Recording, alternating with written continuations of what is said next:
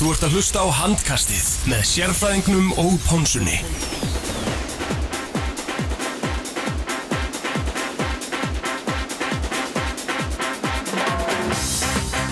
Já, komið sæl og blessuð og velkomin í handkastið. Við erum hérna í bóði Kúlbett og í samstarfi við 8 FM. Eh, Í þættinum ætlum við að fjallum fyrstu umferð Óli Stilla Karla og því lík umferð sem þetta var. Með mér hérna er Arnar Daði Arnarsson sérfræðingurinn og Átni Stefán Guðjónsson fyrirvændi aðstóð þjálfari FH. Hann þakka trösti stóðsins og heiti í síðasta þætti og fær búið aftur sjálfur heiti ég, Theodor Ingi Pálmásson, Tetti Ponsa. Strákar, þetta var geggjuð umferð. svakalega umferð því Bara við byrjum á áður, áður að byrja þá erum við ekki að hlusta á þetta í speed þannig er bara að tala svo hratt Já, ég er bara svo peppar eftir að ég var á ásöldum aðan og er bara ennþá að ná mig niður eftir þá háspennu uh, samt sem aður eins og ég sagði hann, þá erum við búið í kúlbett og það má segja að uh, þessi umferð er ekki verið hagstæð uh, betturum þrjú jattefli nei, seðlinn okkar Arnardæði, hann fór bara til fjandans Hann og var ekki góður. sem við hendum inn á Twitter það fór líka til fjandans játtöflin voru að leika okkur grátt og hérna með fjárhætnar sem ég setti undir þá er ég bara búin að borga mánaðalun allra starfsmanna kúlbett í Íslandi bara út árið. Já, Og- og sko til hann mikið með það. Og það er eins og ég verið búið á ásatt í kúlbett í hérna februari næsta ári. Við hljótum að fá það gegn en þetta var rosa umferð maður, fullt af játeflum það var óvænt úslit, mm kanonur menn að standa sig. Þrjú jattefli, ég get satt ykkur það strákar. Uh, minn seðill, hann var þannig að það voru þrjú jattefli á honum hann er augljóslega uh, fjall sá seðill en ég hetsaði mig. Setti góðan auðra á hérna, afturöldingum út í stjörnunni þannig að ég kom svona nokkurn inn út á slettu já, ok köllum þetta, köllum þetta hetsa sig í hagfræðinni já, en það er uh, önnur saga strákar þrjú jattefli við sjáum það ekki, sjáum það ekki oft Nei, ég skal, ég ætla, skal vinna þetta pening aftur tilbaka og henda í bett að það er í bóði. Það verða ekki aftur þrjú jattefli í sömu umferðinni í Jólisteil Karla. Þetta voru aldrei gerst áður mm og eins og segi, mun ekki gerast aftur. Ég skal hundur heita ef Já. þetta gerist aftur.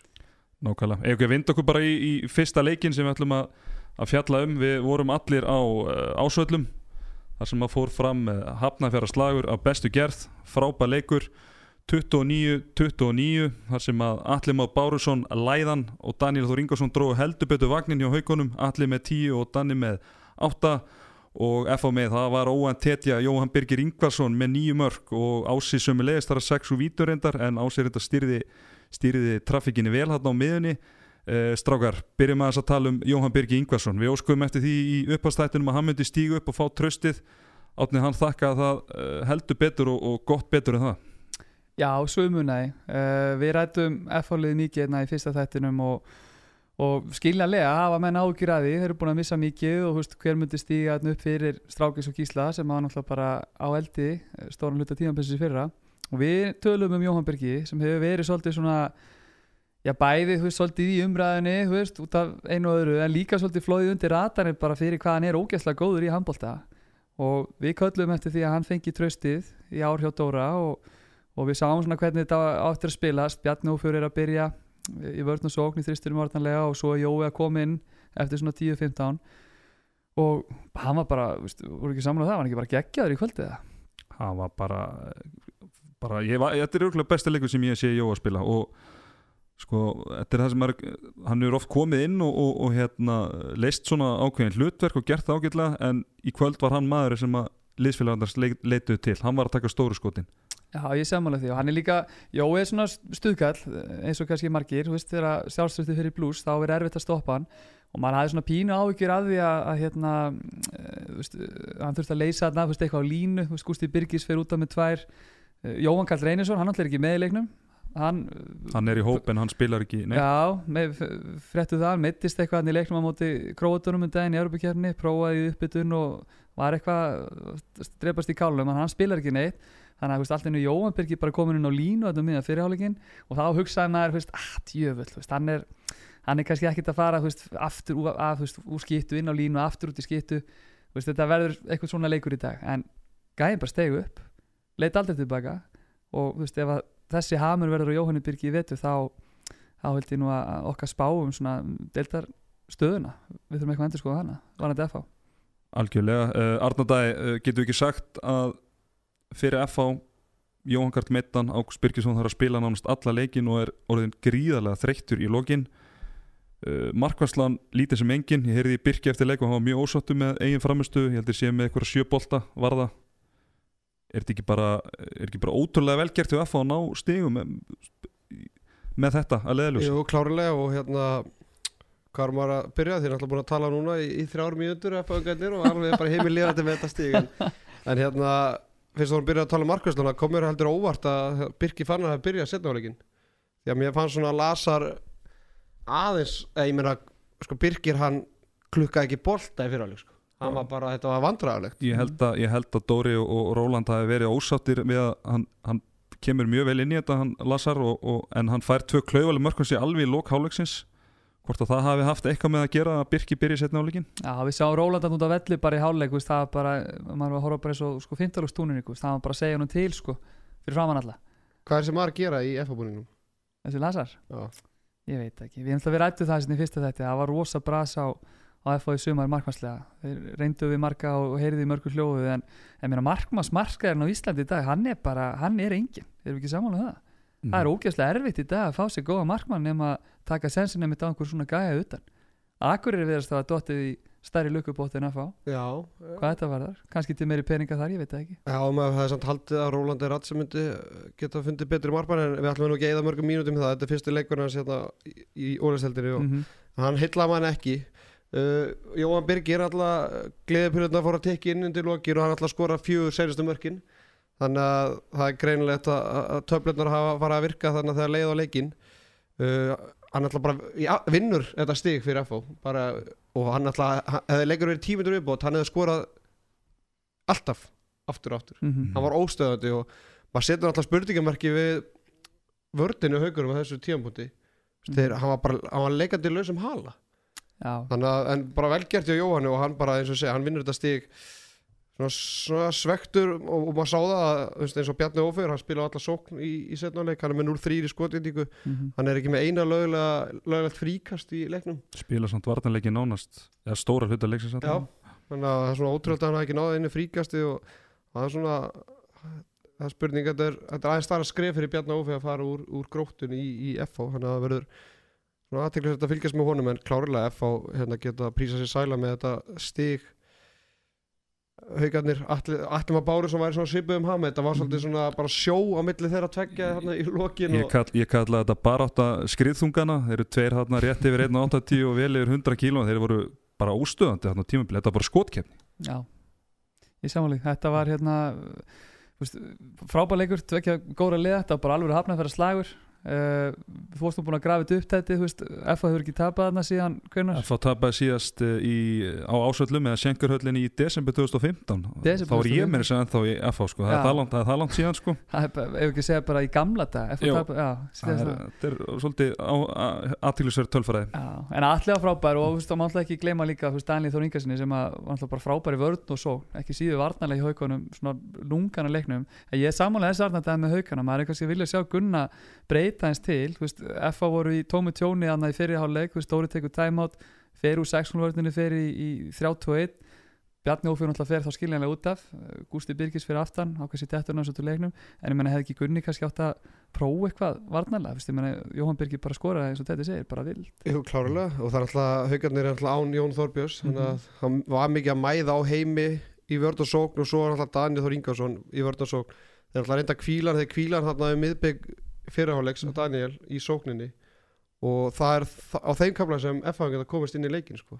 Ég held að haugarnir hafa komið mest fjórum með fimm markum yfir hann í fyrirháleik og svo kvílaði Danna svo kemur Danni aftur þegar staðinu í jöfn og hann skorar held ég hvað 13-12 eða eitthvað Mhm. Já, það er kannski framist að Dan, Danni mjög góð sóknarlega en hann er gjössalega stórkastluð varnarleisuleik, hann er með tíu löglega stöðunir og, og, og þrjá stólna bolta. Það er greið alltaf Danni æfa vel og sömur út hann alltaf byrjaði í deildina sama krafti í, í senasta tíabil þannig Og- að og- það voru þetta hann heldur áfram þessum dampi fyrir hauka menn ef að ræða Ásker Örn Hallgrímsson svona rétt áður við Já, og ef kannski að skjóta inn með Danna landslýstjálfæðin okkar, Tetti, hann satt nú hann í stúkunni við liðina Já, okkur. Hann hefur ánað með það, það sem maður sá Já, hann svona, maður sá kallin víbra svolítið sko þegar Danni var í, í hvað mesta hannum þannig að það, ég held að það komi nú ekki óvart að, þannig verður nú eitt bara fyrsta nafni á blaðana. Það er spurning hvort að. Læðan og Jóhann Birgir læðist í næsta landslýsótt En heldur að Gummi hafi verið jafn ánað með Ásker Örn í þessu leika? Nei, ég held ekki. Sko, við, við kíktum á hann eh, svona, fyrstu svona kannski alvöru leikur sem að sá hann í, í, hérna, í einn personu, það var úrstæðleikunum hauka, það sem haukar unnu FH nokkuð samfærandi en maður sá aðeins þá að svona veist, við rættum þetta nú aðeins í þættinu svona, eins og öxlin á hann væri ekki alveg kannski veist, eins og hann á sér að vera. Hann var svolítið að veira sig við að skjóta dróð svolítið af hann þegar að leið á leikin og við sáum þetta ekki aftur hún í kvöld? Það, Já, er já, meina það er ofta það sem hann er í góðu skotsjans en, en, en reynir í staðin einhverju glóralösar línusendingu eða annars lík sko. þetta var svona uh, svona óvanalegt frá er það og, ekki?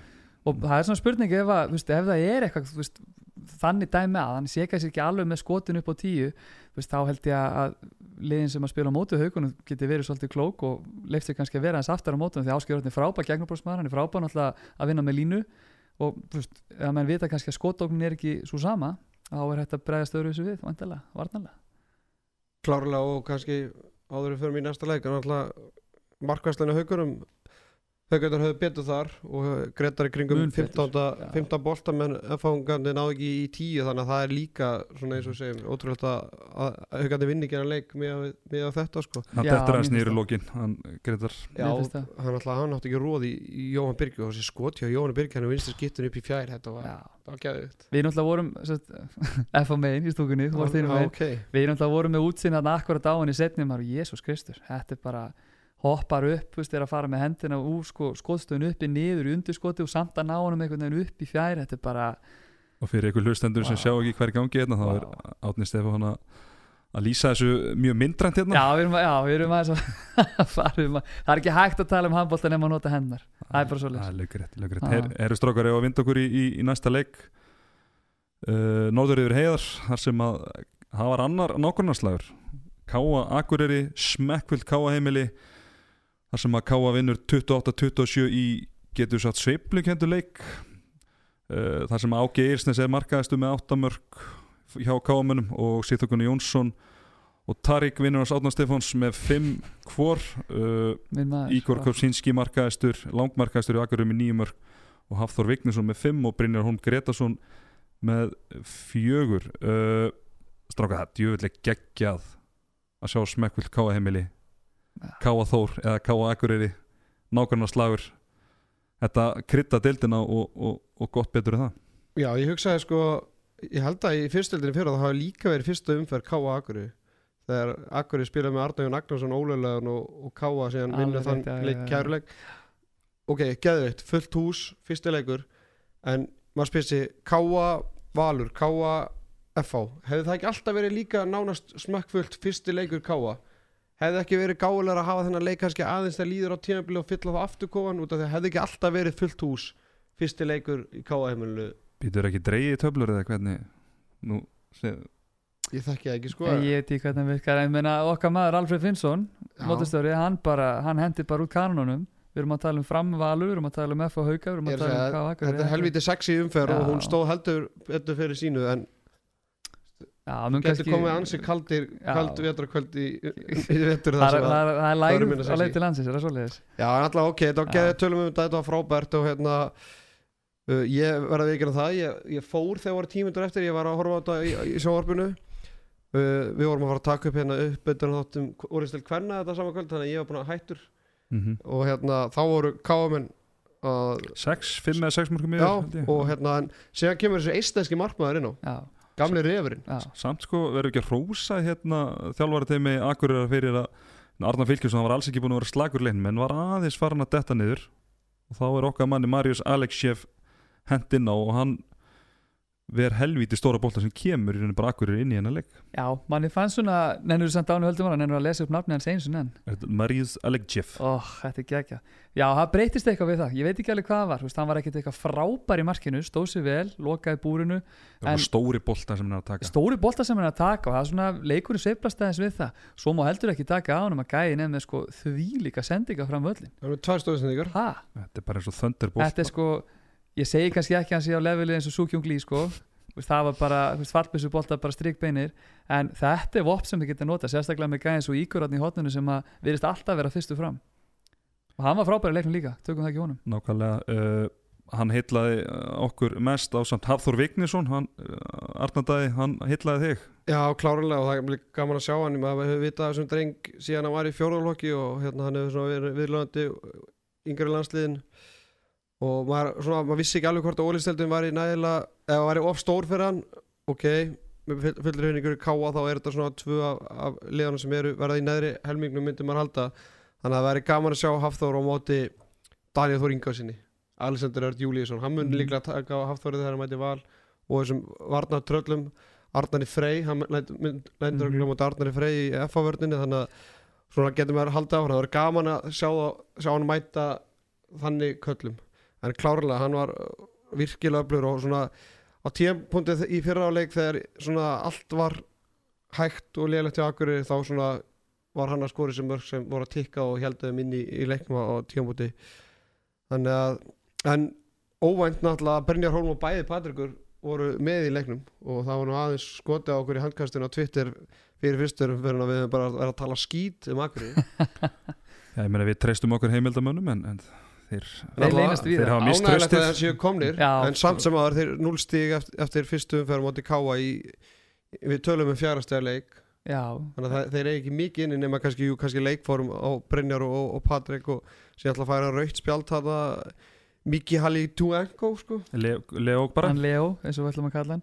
En ég já, þetta er, veist, já, ég er sammála þessu. Þetta, er, þetta var svona frekar grilla. Þetta er ísa leikurinn strax í fyrstu umferð. Þetta er klárlega stig sem bæði liðheldi hafa verið búin að horfa til fyrir tímanbilið að þið þurft að taka. Og ég meina ef við tökum bara eins og með akkurreiningar næstu leikir á þeim, þú veist, það er heima á móti Selfossi, það er út á móti Haugum það er heima á móti Afturheldingu, út á móti Fram heima á móti IPVAF Þú veist, blákallt mál, Arnanda, erum við að sjá það taka mörg stig þarna? eða? Mörg? Já, Nei, við erum ekki fara að sjá þeim taka mörg það stig er og bara hvort að, hvort að við sjáum það taka stig. E, Jú, ok, með umferðina núna þá var náttúrulega voru óvænt úslit og bara frábært en nei, ég, þetta lið er held ég bara einu með tveimur skrifum á eftir. Mm topp 8 liðanum í deildinni sko. Já, allavega svona við fyrstu sín viðist að vera en við ætla kannski pössum okkur líka á að vera ekki veist, með einhverja sleggjur en eftir fyrstu umferð veist, ef að þetta er bara stemningin í deildinni, þá náttúrulega gróta bara að fara að vinna þetta þegar ekki með þeirra framistuðu, en þú veist, það er ég samanlega þessu, það vantar náttúrulega þetta eitthvað upp á gæðin, þú veist, við sáum líka í leiknum það er mikið að töpum boltum. Veist, menn að spila margirandi í fyrsta skipti í ólisteildinni, stútfullu kofi, þetta er kannski svona eitthvað sem menn er ekkert alveg vanir á hverjum degi, beinúsitt ekki sjónvarpi, veist, gaupin á kantinum þannig að við skulum aðeins sjá allavega hvað verður í næstu leikjum en, en ég sammála þessu, við fyrstu sína þá er, þá er prógramið bratt hjá, hjá Akureyri. En með KM en við að, vorum við með það of neðala erum við að sjá þá kannski ná að tróða sér eitthvað aðeins ofar í töfluna? Já, færiðingarnir, þeir voru flottir hérna hæra með allana, sérstaklega Ági hann er með 8 mörg og, og 8, 8 sköpu færi, Jón Heðar hann, hann hérna, leikmaður sem við svona töldum upp í uppbytun þættinu sem einn af þessum mönnum sem að voru bara hættir en byrjar aftur, hann stýrði bara sóntanleiknum bara að mikill festu. Já, Já, það ég er öryggi fannst manni sem fylgdi þessum til ankom mínu algjörlega sko, algjörlega, það er, það er, það er góð spurning Ég meina Ági Eilsnes, hann er með 8 mörg og 6 stóðstendingar þetta er bara helmingu marka kámana Já. Mhm. og mér, mér hlaka bara til það þá til að verði færiski dagar fyrir norðan. Því að það voru gott sem færiski dagar þarna, Alan Nordberg með þrjú mörg í hægra hotninu það var bara góð skot slúttari. vel og myndi mann kannski ekki mikið en myndi mann aðeins og guðmund átna svona smá svona Já, ormur hvernig í honum hvern, Já, hvernig hann svona böðlar upp á sig einhvern veginn í skotinu já, Já. ég, ég, ég, ég Þannig sé að að það verður gaman og ég, hérna, ég skaut hart að færingun í fyrstu, fyrsta þettunum og það sem ég tala um hvað var í gangi ef- fyrst að færingur er orðin líkilmaður mm. Mhm. liði Jólseld kalla en áki bara frábær og hérna bara vorandi að hann heldur þessu upp í, áfram út af því að þeir þurfa svo heldur betur á honum að halda því að þeir eru ekki með marga leikmenn sem geta gert mikið sko ekki svona framistu eins og ég segi hann er að sjá um 14 mörg af 28 Já. En hvað varst okkur um, um Tarik hinum megin, hinn í skiptinni? Herru, ég held að við rættum það síðast að þetta að hérna, uh, þú, þið fengu hann á ykkar borð hjá FA og, Mhm. og þú vildir ekki sjá hann ég held að hann muni matriða sokk ofan í vetur Þú heldur það? það voru, voru, voru taktar í honum það var svona töluvert það var töluvert mikið að hérna, tæknifælum reyndar fannst mér bara þessi leikur einkennast af svona háu spennustí og, og, og svona það voru margir tæknifælar og annað en hann, hann leit betur út en allavega ég þorði að vona. Já, hann er svo, maður sér það samt náttúrulega hann er, veist, hann er já, hann er svolítið hrár veist, hann er ekki kannski gæðin sem er að fara þú veist, ég veit ekki veist, hvort hann sé að fara að vinna fyrir einhverja leiki uh, veist, ég hefði viljað sjá hann sterkari varnarlega veist, við sjáum að með þess að hluta leiknum við erum bara erum skipt út af vörn og svo kannski vantar eitthvað upp á formið, ég veit það ekki. Uh, en það sem ég hef alltaf séð á hann þá, veist, hann er ekki nógu öflug maður á móti mann kannski funkar hann í, þú veist 6-0 vörn sem er spilur frekar aftalega sem er þétt á milli manna, eitthvað svoleiðis. En þú veist, ef hann ætlar að mæta þetta bara með sokk, þá skal ég glaður rétt en þú samt átt að því þetta, mér hefur bara skjáttlast einu sinni áður um æfina, Býtu svona nú, hrapalega býtu nú við, það? það var þegar það er ljótt að segja frá þessu, það var ég stakk stóru vinn mín að frikadóri í baki og gerðist lestastjóri á Mario-vagninu með Eurovision. Já, heyrðu, við skulum bara Við ræðum það ekki frekar. Já. en þú veist, mér til varnar, hún var í græna kjólunum hún var á tásunum, þú veist, hvað átti ég að gera? Hvað viltu mér? Ha.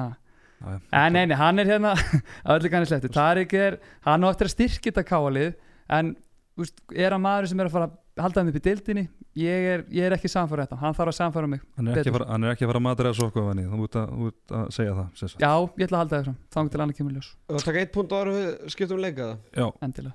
Náttúrulega Jóhann Kúkubatt með sjö ára bolta og ég var að viðkynna það, ég veit bara ekki hvað Svavar Ingi Sigmundsson var að markma KR þannig að markvæðslan gæti orðið hausverku fyrir KM og til að samtuna þennan punkt sem ég er að koma með er að það voru heilir sjö útlendingar að spila Mhm. þennan leik fyrir norðan. Já. Og hérna bara gott að blessa. Allir í stóru hlutverkum hjá sínu liðum. Já, klárlega og hérna já, nema náttúrulega eistneinski markmann Akkurí sem kom hann inn en ver- Já, vonandi verður- verður- var allan að svona hann hafði, hafði mikil áhrif á leikin Já, en, en punkturinn sem ég ætla að koma með og við munum kannski ræða setna eða síðar í, í öðrum þáttum er að það voru sjö útlendingar í bara þessum leik Mhm. á meðan við töldum 34 útlendinga í allri deildinni í fyrra Já, voru þetta ekki bara einu tveir sem enda dildinu fyrir Mikk Pinnonen og, og Ryoto Inagi Jú.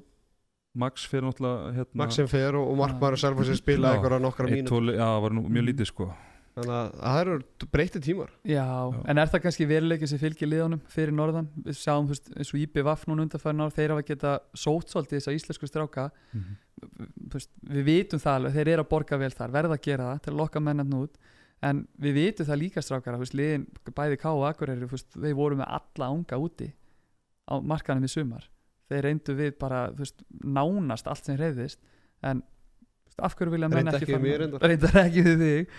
Reyndu þið taldi? Gerða þeir fyrra en letum við alveg þessi núna Já, en þú veist, af hverju, af hverju vilja menn fara frekar til eiga heldur norður, þú veist, er það gæðin á það reyndar í liðinu eða- uppöðar þetta Já. er mjög til kvenna Já, og þar, þú getur hlusta á Ásker Jónsson En Já. þar er einu punkturinn hans var basically að hérna, IBF var náttúrulega bara í sumum málum fyrir, fyrir nokkrum ári síðan en kannski munur núna er IBF er orðið bara stórveld í íslenskum handbólta mm Mhm. þú, þú getur farið til Vestmanni og þú veist að þú ert að fara að berjast um titil sem kannski ekki alveg staðan hjá Akureyri og, og K það er svolítið mikið að selja þetta að fara norður sko. Já. já, það er svolítið háskóli sko.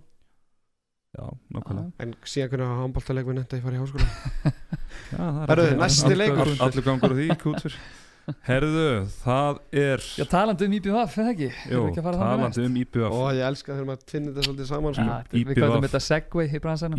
Það. gróta 30-30 þetta byggust allir við ekki? Jó, Jó, bara eftir bókinni. Sérstaklega þú átni Yðnaði dagur í vinnunni, 84 bara. Nákvæmlega. Teodor Sigurbjörnsson markaðastur í IBF með 9 mörg Sigurbergur Sveinsson með 6 og, og Kári Kristján 5 Sven Hóþei Rivera með 5 fyrir gróttu sem og Leonir Þorgir. Harðarsson Átni Benedikt Átnarsson og ekki svo óvandir eða hvað Gellir Mikaelsson með 5 mörg oh, Herru. Okkar maður. Þur, þurfum við ekki bara ára við áður en við höldum áfram. þurfum við ekki bara að opna hann að leika á, á framistu Gerlis Mikalsson, Átni Stefán, þú þekkir hann að drengu vel, það er ekki nót fyrir hann hjá uh, fimmleikafélaginu uh, segðu hlustundu frá Gerli Já, menn menn tala mikið um þessa valsakademi en Gellir er product from the Academy of Kappa Creek Hafnarfjörður.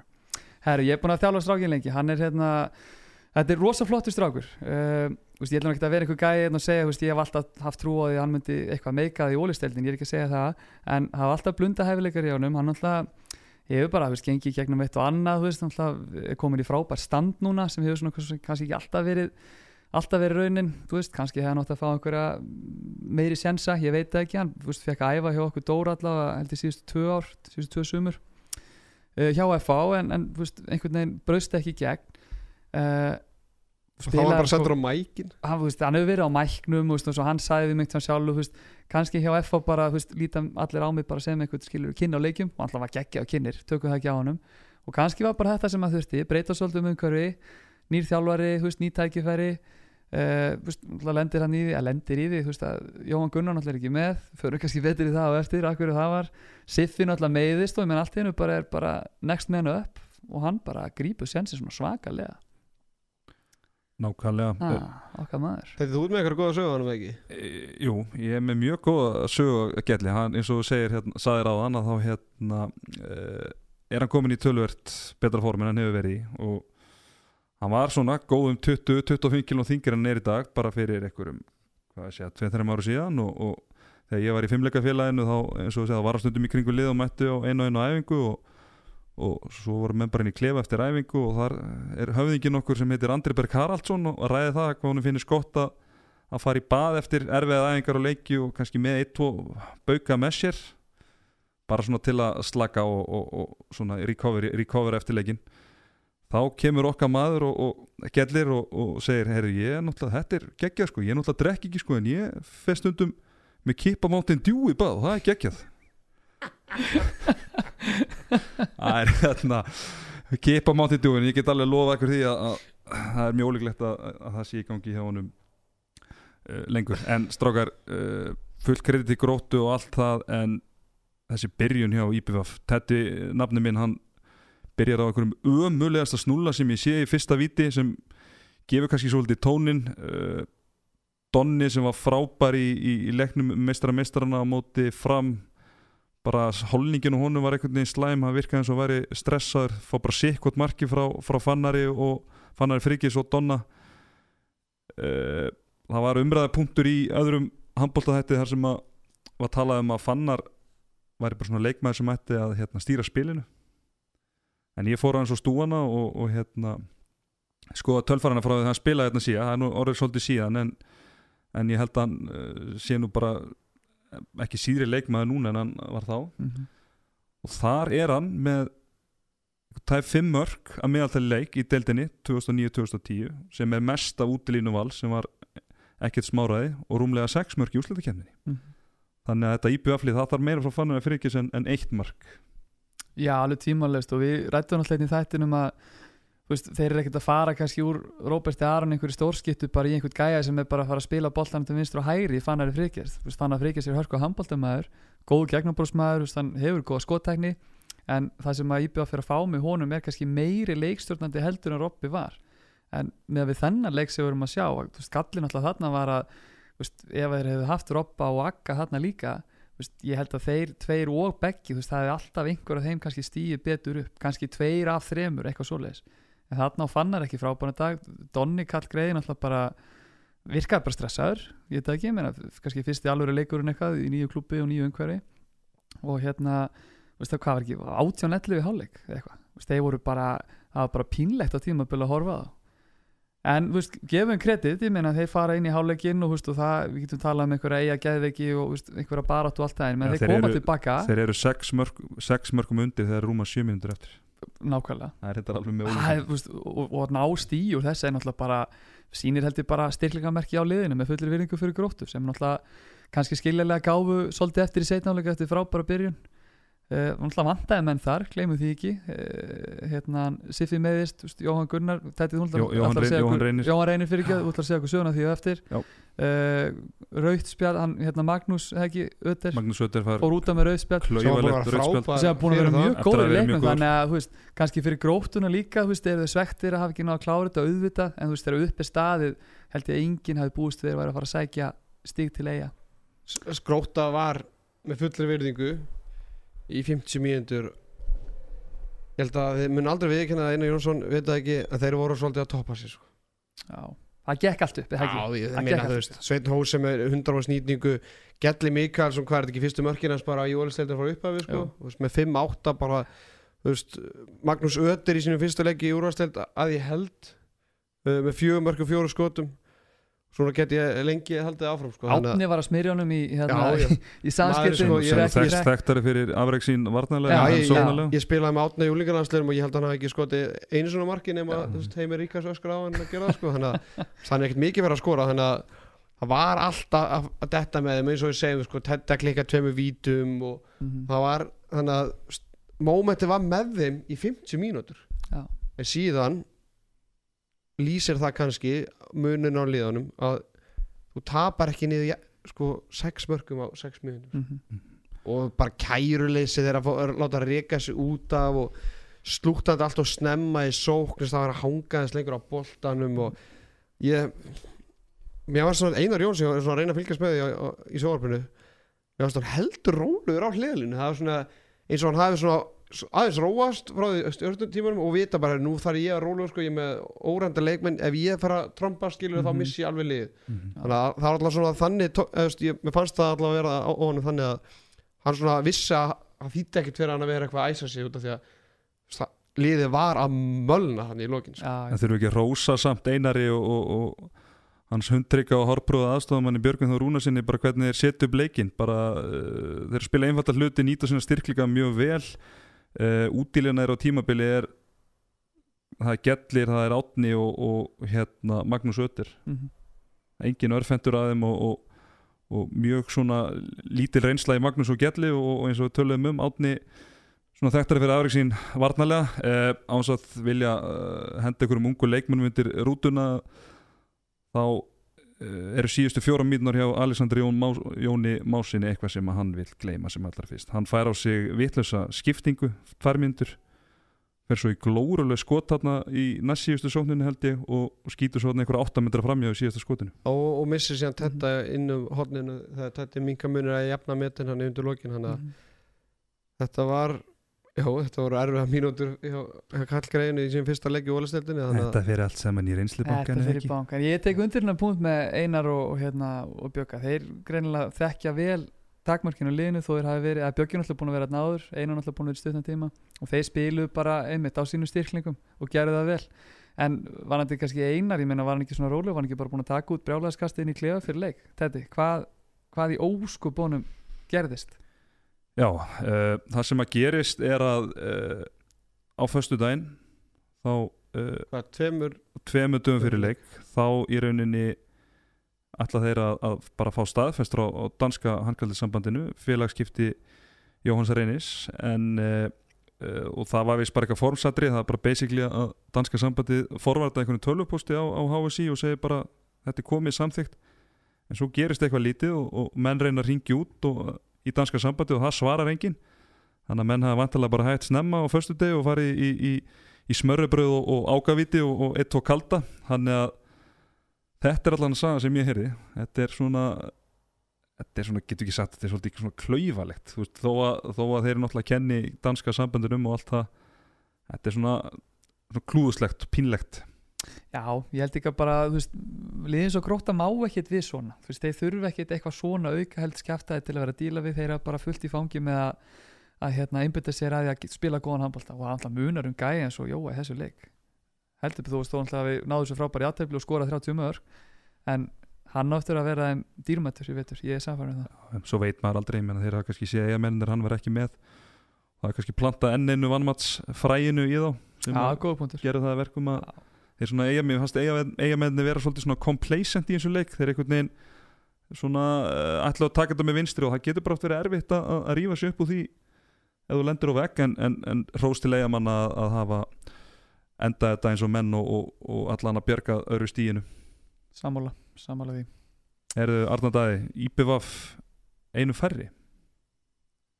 Þeir taka ekki markmannin út af. Já, gamli skólinn, eldgamli skólinn já, ég, ég ég veit ekki alveg það er hérna það eru sumið þjálfara sem bara er Mhm. ekki ég meina, F-fangunni þið gerðu þetta ekki mikið í fyrraðan okkur Við vorum, jú, orðnum svolítið gætin á þetta í fyrra en árið þar og voru Já. frekar rólir. okay. En mér finnst bara að því við settum um punkt hérna niður er alltaf að taka því að þú veist, IPVF fyrir þarna að halda bara markmannum minn á og meðan er það samt ekki bara út af því að Björn Viðar Björnsson og Páll Eiríksson eru hægari en Þeir, þeir, eru ekki, þeir eru ekki að fara að vera Íslandsmeistar í, í 100 metrar sprettlöpu við getum Já. bara orðað það það gæti alveg verið það og, og, og svo á móti erum við að fara að sjá lið bara í við farin að sjá stjörnuna prófa að vera sko með markmannin út af veginum fleiri að vera svo raunum 7 á móti 5 þannig að það er, er ákveður hlutur að gerast. Jú, ég held að það geti verið bara mjög góð skýring á þessu að þeir treyst ekki alveg kallinum í, í hlaupin. En það innfærin, hann, hann á bara að vera í búrinu. Hann á ekki að vera að hlaupa fram og tilbaka eins og asni Þetta er ótrúlegt. Algjörlega. Eh, Við ræðum það síðar markmannsmál IBVF en ef ekki að vinda okkur bara í næsta leik. Enn eitt nákvæmnaslagurinn fram valur og enn eitt jættefli 25-25 í virkilega skemmtileg leik Arnardæði við skelltum okkur í Samirina þar sem að Andri Þór Helgason var markaðistur ásamt Þorstein Gauta Hjálmarsinni á fram með þeir báðu með 5 mörg hvor. Vigni Stefansson með 7 mörgur í val Andar Rúnarsson 6 og Agnar Smári Jónsson með 5 mörg uh, strákar hraður og svona frekar harður leikur mikið að mistökum. En er ekki punktur sem við tökum út er innkoma Lalla. Jú, heldur betur og hérna Lárus Helgi Ég ætla að Ólafsson Við rættum þetta aðeins í uppöðana þetta um að okkur svona fannst þetta aðtiklisverð skipti hjá hann hvort hann væri bara alltaf bróðið þess að Þorgir Smára eða hvað en, en hann er greinilega að komið þangað bara til að sitja á bekknum og, og vera eitthvað að horfa á hérna einn endilegast að bara markverð landsins og ég vil bara Evrópu um, um þessa myndir hann að bara velgert Lárus Helgi Ólafsson og hérna en ágefnum Viktor.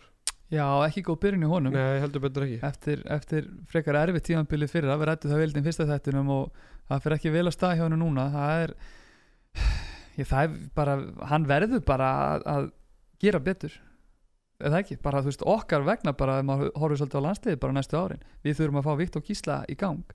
Með, þú veist, bara frábært að Lalla kom inn og bara það er vel, við rættum þetta með samkeppnina hérna, að ég held að þeir tveir saman í vetum muni svona vega hvort annan upp og, og hérna lifta hverju öðrum aðeins hærra. En við verðum bara að fara fram á það að Viktor Gísli verði fleiri bolta. En ok, við, við kannski eftir að ræða Viktor Helga tölvöld meira í vetur en hversu gott er það fyrir 17. markmanni fyrir mm. að vera bara aðalmarkmaður með ynga veist, hva- hvað getur við lagt mikið á 18 ára leikmann á hann bara að vera til lefera bara í öllum leikjum eða veist, þa- þarf hann ekki bara samkefni, við erum að fá, hann er að fá hana núna skilur, mm Mhm. þarf hann ekki líka bara að læra og horfa á og fylgjast með og fá smá skilur þetta, þetta var allt auðvelt hjá hann í fyrra hann var bara að spila alla leiki, alltaf, sama hvað og svo náttúrulega byrja sig frá þessar vörð sem hann var með fyrir fram að síð fyrra vörðin orðin tölvöld betur núna með ægi, rafn og andra heimi en hversu mikið getur við sett á 18 ára strák? Já, ég er sammála þessum punkti. Hann hérna það fekk líka mikið umtal það talaði um hann svolítið í setni veist, og alltaf þú veist, að hæpa hann upp og hæpa hann upp og hæpa hann upp og það er bara óhjákvæðmilega held ég að það sé erfitt fyrir svona unga gutt að hérna, lifa og Annað standa undir því. sko. Já, annað væri bara óveðlegt og líka sérstaklega og þú bendir á hann samkeppnin bara var engin í fyrra það var ekki eins og ef hann var að gera einhver mistök bara hann verið kipt á bekkin og, og hann myndi ekki detta niður markværslega hjá fram. En það er staða núna og bara flott hjá gumma líka þjálfara. Við sjáum það bara strax í fyrsta leika, það er ekki náttúr það er bara Lalli komin inn og bara ef að, ef að hérna, hlutin er ekki að ganga og hann nýtti tröstu vel og ég meina blákallt máli, getur við ekki alveg séð fram á það bara Lalli væri að starta næsta leik, Jú, ég ætla að múna að þetta sé það heilbrið samkefni sko. og ef, ef það er þá á, á, byrja náttúrulega bara Lárushelgi næstu, Mm næstu leik ég ætla að vona að sé ekki búið að vera að semja það. Ég veit náttúrulega ekki alveg hvernig þetta er en þetta verður bara að vera heilbrið samkefni -hmm. það er ekki holdt fyrir einn en einn að vera bara með garantít sæti. Hvað þá þú ert 18 ára og þarf ekki eins að vinna fyrir sætinu. Þannig ég ætla bara rétt að vona það að þetta verður bara heilbrið samkefni mellir Lalla og, og Viktors og Viktor þurfa að hafa fyrir því að, að spila sko. Því annars getur bara dott í eitthvað svona bolta sko. algjörlega, en framleið þeir lítur ekki bara betur út heldur en við þórum að vona algjörlega, náttúrulega breytir líka svolítið myndin að fá andra heimi hann inn, hann, náttúrulega kemur náttúrulega, eða virkilega sterkur varnamaður og, og, og, og lungin sónamaður og, síndi síndi libra takta, sóknarlega þessu leik. Hann var, gjössalega búinn á því rætti hann sér eftir leikin og, hann náði alltaf andan kallt greið en hérna, það er eitt sem að skemmtilegt við framliði, þeir eru eiginlega með Daltonbræður það múti stilla ægi, andra heimi og, andra þó helgarsinni svona í línu. Já, svo má ekki líka- liðstjórun eða Já, sjúkarþálun það var stela komið bara Daltonbræður þannig að ég, þannig að hlustundur bara fylgist þið með því. Næst eða kíkið á Kíkja á framleik. En ef við, ræðum aðeins annan leik þá var náttúrulega sko, hann enda með jættefli framarnir voru bara nær því að stela þessum sigri og hérna þeir voru yfir það voru valsarðin sem voru elda undir lokin. Eftir að valurinu hafi svolítið leikt þetta Já, framanna og, og þetta var svolítið valur svona fannst mér, ég er alltaf svona hlut, eða svona ekki hlutlaus að mér fannst þeir svona að vera að bjóða hættunni heim. Mm. þeir svona býð alltaf eftir þess að þetta var við horfum á þetta samantætti, valsarðin voru fjórum örkum yfir, frammingaði tvö, fengur svo tvær Ma- Það maður hafði alltaf, maður hafði einhvern veginn á tilfinningunni svona fyrstu 40-45 minnur að valur væri alveg með þetta þó að munurinn væri bara kannski 2-3 mörg sko. En eins og þú segir þá eh, ertu mögulega að bjóða hættinu heim og, og, og framararnir hoppuðu klálega á það og Ímir Ár Gíslason var alltaf ekki að hjálpa valsarðinum í, í þessu leik því miður. Hann var með einhverju hvað, 5 klúra Fjögur 5 döðar, fjórum eða 5 dauðafæri, döðafærum ég held hann að klúra 5, ég held að Lalli að vel þrjá það og Viktor, krúsar Viktor. Viktor 2 báði boltan sem Viktor er eru frá Ími í döðafærum krúsal hann upp í lokin hann að frá Ími og það sem að valsarðin hefði getið komast yfir. Og bara, ég held að heim, Ímir hafi nú sopnað hans í sent eftir hennar leik sko. Já, já, en þú veist, á, á sama tíma þú veist, fyrsti leikur í deild og þú veist, ég hitti nú læri föðin á ásöldum á hann og hann tala um að valsarðin hefur verið búin að æfa helviti þétt og þungt svolítið í sumar og þetta er því kannski smá svona, þú veist, er ekki allir búin að því að já, ég veit það nefnilega ekki alveg, ég veit ekki, ég er samt allavega held að, þú veist, að þeir sé alveg það klókir, þú veist, þeir eru kannski meira svolítið að horfa bara á in the long run, þú veist, ég, já, þeir eru alltaf með nánast nýja útilínu. Magjóli, Nefbrotnar, Róbert Arofær höfðu að gefa engar áhugjur sko. Nei, ég segi en það, veist, alls ekki. þetta er leikur sem þeir átt að vinna sko, og, og ég meina maður sá þarna einhver þrjáfjóra sóknir var þess að sko gjössalega sundur spilu og lið, lið fram sko. Og, einmitt þetta var sínt í setnumbilgjum maður sá bara ok, djúvöld er þetta góður í handbólta Mhm. en Anton- það Anton skilaði þeim einu stíð Anton Rúnarsson líka með fína að Valur byrjar á bæknum og Valur með pottið eitthvað verri leik en þarna. Já, og hvað þá, þá tapa þeir skilur Já. það, þeir hitta ágætisleik þú er að klára leikinu sko. Já, algjörlega, það er svona eiginlega kannski punktur sem ég var að koma að er að veist, ég held að þeir kannski geti leift sér að veist, svona toppa þeim setna meðan kannski liðins og F og Selfoss eru svolítið bara on núna, veist, einhverjum í já. þú er ekkert verið bara veist, að stúpast eitthvað þar þannig að það verður mjög áhverð að sjá þetta það líður svolítið á tíðanbili hvort að einmitt liðins og F og kannski og Selfoss, jafnvel lípið af þeir herbyrja muni dal eitthvað aðeins og liðið þá eins og Valur kannski muni svolítið stíga þau sama F á lendi kannski á sjónastímuli Já, það var það svolítið svona, við verðum svolítið bensilausir hérna eftir, eftir áramót. Sjá hvað setur, það er erfitt að spæja framtíðina. Það er erfitt, nákvæmlega, annars Eh, værum við ekki hér í dag. nákvæmlega. Stráð Danni, Daniel Freyr Andrisson hann, hann byrjar hann að leika gríðalöfum krafti og, og svona, svona síndi manni Danna sem maður þekkir.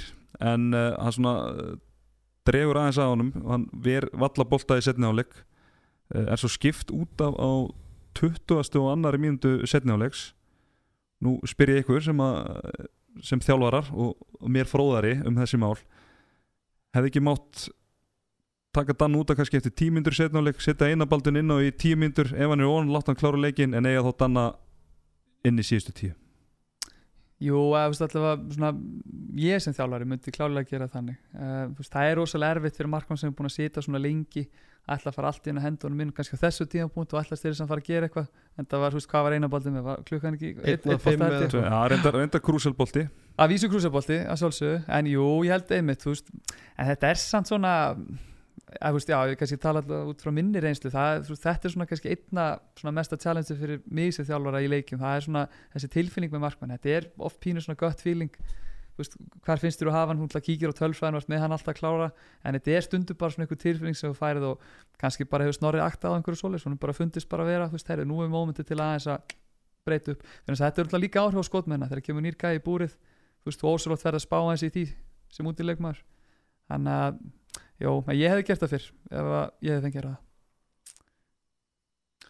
Algjörlega uh, Valdimar Sigursson hann slútaði heldur betur vel. Fimm mörg og fimm skotum. Þetta er svona, svona leikmaður sem fer svolítið undir hann fær kannski ekki alltaf hrós sem hann á alltaf skilið. Klárlega og ég, hérna, ég þetta er einn af þeim sem kom úr Vals Akademíunni Já. það sem að sérfræðingur hefur verið að starfa síðast ár og, og hérna ég get alveg bara það að því ég var þjálfan í þriðaflokki það ég bjóst ekki við því að hann er með 5 af 5 í, í leik fram á Vals í úlistetinni tímafili 2018-2019 sko. Mhm. það bara hann var alltaf í skugganum að störlu Magnúsinni sem var Já. alltaf í úlíkalandsliðinu 96 landsliðinu þannig að hann var alltaf svona eftir honum hann er einu var yngri, ég held að sé 97 mótil þannig að hann er alltaf verið eftir þeim Valdi, hann í ekki? er hann ekki 94? Æ, það ekki allavega, það var allavega styrla allavega undan honum sko. Mhm. þannig að hérna að- jú, jú, hann valdi 94 að spila með mér ég er að djóka, en svo fer hann í HK fær ekkert sem þar fyrir hann í afturöldingu, er þar á eftir hérna Pétur Jún og Ágústi Birgis að mér Mhm. að, held ég segast tala rétt mál þar þannig að hann er þriði línumar þar uh, og og Þrándi Róð já, og þrándu líka Mhm. þannig að hann er svona farið langa leið eins og segi alltaf vera eftir orra, ími sturli í val og svo loksins fekk hann tækifæri á, á fram og hefur heldur betur gripið það tækifæri. Já, ég hafði pínur ágjur á hann núna að hann náði svo rosalega vel saman með Arnar Birki. Þeir voru baneitra kombo ef að Arnar Birkir var að hitta á, á ramman þann dag náttúrulega þurfti vörðin að stíga svolítið út og mæta og veist, valdi náttúrulega bara hann bara fekk launatsekkan út og það lauma sér undir bakverðin, Arnar Birkis megin. En hann náttúrulega stóð sér vel í þessu leik og ég held að hann geti orðin svolítið mikilvægur samven, samvenna tímabilið. hans og Þorgir Smára var algjörlega til fyrirmyndar í, í þessu leik. Við tölum nú um að ægir er þið svolítið í startinu á línunu og verið svona, svona aðal gæin en menn er ekki valdið miklu betur sóknarmæður en Ægir, er ekki? Glemdum honum Já, það var nú líka bara upp á það svona eins og því þjálfarnir þekki að, að fækka skiptingum milli varnar Já, við vildum, já, við vildum hlaupa beint fram. Það er rétt. Æ, fái betri því en nær en til að, til að fækka varnarskiptingum Já, þá ætti Alexander Ard Júliusson þurfa að spila meiri sók já, hann var geggjaður varnarlega. Já, og bara, er- já, bara besti varnarmaður vals í, í leiknum. Já. en hann fær ekki tækifæri hann fær ekki þú tækifæri varst að í að því Hann, er- já. Alexander, hann er miklu uppöldum mér, ég skal viðkjöna það. Hann er, ég Þú reyndir nú, að fá- þú reyndir nú að fá hann í, í, í Kaplakrikan með márið ekki Já, já þyrfti hann kannski að fara bara eitthvað annan lið Hann er samt landslismæður sko. Það er er erfitt að segja, nákvæmlega. Hann er landslýsmaður, búin að náttúrulega bara valsar í húð og hár og bara greinlega vill bara vera þar og sanna sig þar. En það væri, hefði verið ógeðslega gaman þú veist, busið frá hvað það er F og eitthvað annar lið hefði verið ógeðslega gaman að sjá hann fara í annar lið hvort hann myndi taka það eitthvað stöks og sóknarmaður. Kannski hefði hann ekki orðið eins góðu varnarmaður fyrir vikið, ég veit það ekki en mér finnst, ég veit ekki, mér er alltaf fundist búa mikið í honum sem, sem skipti Já, þetta er svona svipa eins og í FH þá var Gelli titlað sem kynnir Já, í val er Alexander Ard Júliusson svolítið titlað sem varnarmaður sko. já, þetta er svona einhver stimpit sem þú svo færði geta að farið í, ég er ekkert að segja hann þurfti að vera í topplið, hann geti verið bara í IR eða afturlingu Mhm. skilur, það sem, og fengi kannski fleiri myndir sóknulega sko. Og Hann verið er bara maðurinn bara, það, já, já. Og kemur úr val hérna kringu landslið og allt það. Mhm. veit það ekki, en ég Er það eitthvað sem hann, vill hann það eða? Nei, Ég held ekki sem nei Vilt ekki frekar vera Þetta bara líður alltaf vel í að spila Já, 60 myndur í, í, í, liði Þetta sem er að berist um frábært að allt vera þar sko. í hlýðar Hvað heitir þetta núna? Þetta er, ekki, Origo. Þetta er Origo, já, auðvitað er þetta Origo Sjálfsögð, Origo. Strákar ég og vind okkur í, í Garðabæn já, kíkjum þangað Það er stjarnar afturölding Býtu, býtu, get, er, er laus sætið þar eða? Það Er er ekki- er nóg ekki að fullt lausum hús, eða? sæti þar. Eh, Strákar, þetta er líklega ójafnæsti leikur umferðinnar þó að það hafi eitt leikur enda með meir í mun þá var aldrei nokkuð spurning hvernig þessi leikur myndi enda. Stjarnan er nú náði að bjarga andlindinu svona í lokin, hvað lenduðu mest undir 11 mörgum held ég. Uh, hjá stjörnunni var Starri Freyriksson og Aron Dag Pálsson markaðistir báði með 6 mörg Aron Dagur samt ekkert með neitt svakalega góða skotnýtingu uh, afturöldingamegin er Július Tóri Stefánsson með 6 mörg og Tumisteinn Rúnarsson með 5 mörg úr 5 skotum. Býtu, Tumis, býtu, Arnardæk, hvað hann er Tumis? Er hann kemur úr Vals Akademi Herðu, hann er úr akademinu Hef hef ég talað um hann áður? algjörlega við, og við munum ræðan, ræðan betur úff, eftir. úff, uh, strákar afturölding var það lið sem skoraði fæst mörg úr hraðablöfum í deildinni fyrra við skoraði nýju mörg úr hraðablöfum í þessu leik. Mhm. Átni Stefán, segðu hlustundum hver er ástæðan fyrir þessu?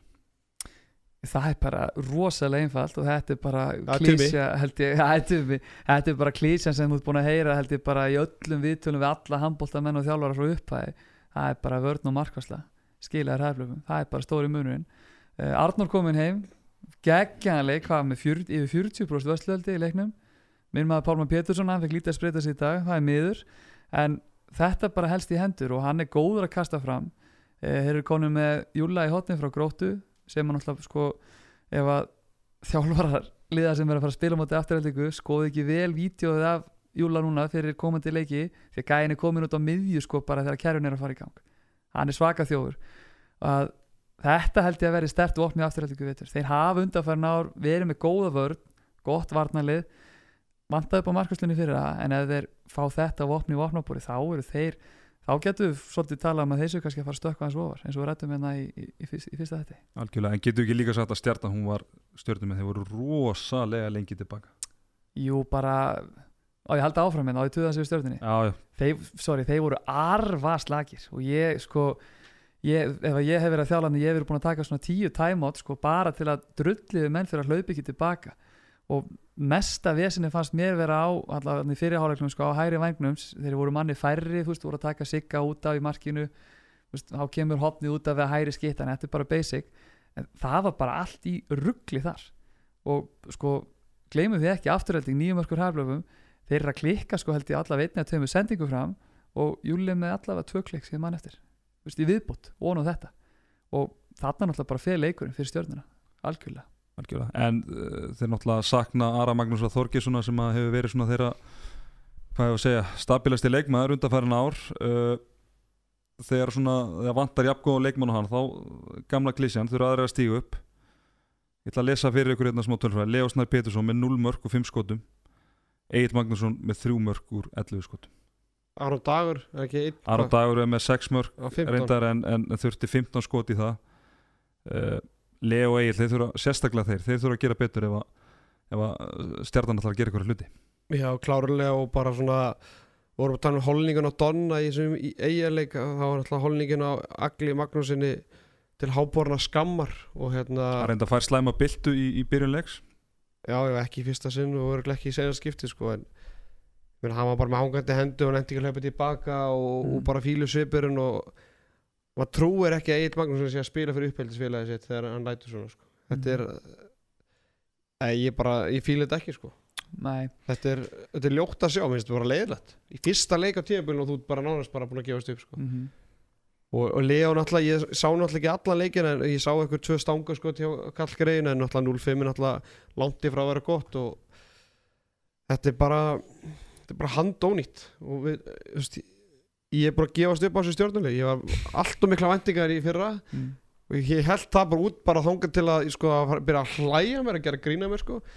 Og ég er búin að lenda svo illa í því undanfæra að ég er bara gjössalega komið nóg á þessu stjórnliði og þetta eru bara væga sagt þarf að gera mikla breytinga og ég hálf vorkinni frænda minni Rúnar Sigdegsin að hafa tekið við þessu starfi.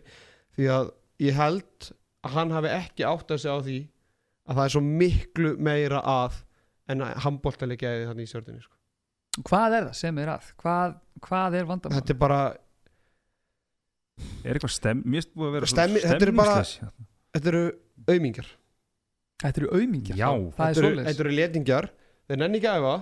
Þeir eru alltaf hálmettir þeir eru já ég, er- ég er bara að segja ég er bara að herta bara undanfarn ár frá því þið voru í fyrsteldinni fyrir ykkur fjóru-fimm árum. Jólin að æfa 5-6 æfingu það eru 4-6 veikir aðrir í sko utanlandsverðum ég veit ekki hvað er andri hjartar undurbúrstímuli hann er bara fór bara á utanlandsverð Mm. hvað er Garabærin til Sirjónsson hvað er hann ekki fyrirlega liðsins vera hann bara hættur. Mm. Egil Magnússon. Hann er meittu bara hálfa vikuna. Þú veist, þetta, ég er bara, bara því miður. Ég veit ekkert hvort það auðmikið sé og stórt eða ekki sko, en fyrir mér það er eitthvað mikið að og sumar æfingarnar þetta var bara bull. Menn voru bara, Rúnar Sigurðsson vissi ekki hverju var að mæta á æfingar bara samdags Já, það er náttúrulega ekkert. Það er ekkert sérstak það er ekkit gott, en eru strákar ef ekki að vinda okkur í að sjá hvað er e, sálma afturhelding?